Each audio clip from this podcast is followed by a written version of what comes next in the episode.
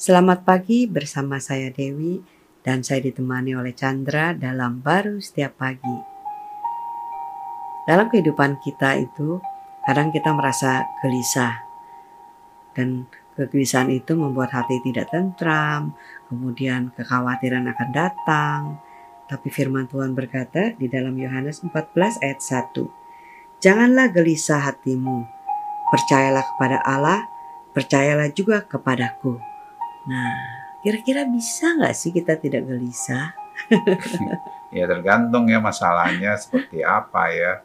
Ada masalah kecil, orang pikir ya udah ignore lah. Misalnya uh, you uh, punya duit satu miliar, ya kan, you perlu spend satu juta ya nggak ada masalah. Iya. Tapi kalau kamu duitnya cuma satu juta, perlu spendnya satu miliar bukan masalah lagi. Udah impossible, impossible, tak mungkin gitu kan. Uh. Ya, tapi sebenarnya manusia itu ya bagaimanapun ya hidupnya dia itu hidup yang sudah jatuh hmm. ya eh, hilang segalanya. Hmm. Jadi tidak mungkin tidak gelisah ya. Iya, ada aja yang membuat dia itu eh, eh melampaui kekuatan dia untuk dia bisa tidak gelisah itu. Hmm uh, kadang dia bisa, kadang enggak iya. kesannya. Yeah. Tapi sebenarnya dia hidupnya udah enggak uh, punya satu rasa aman lagi. Hmm.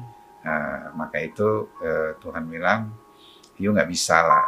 Hmm. Uh, you perlu percaya kepada Dia melalui penebusannya ya kan, Betul. sehingga manusia itu dijadikan baru dengan damainya Tuhan. Hmm.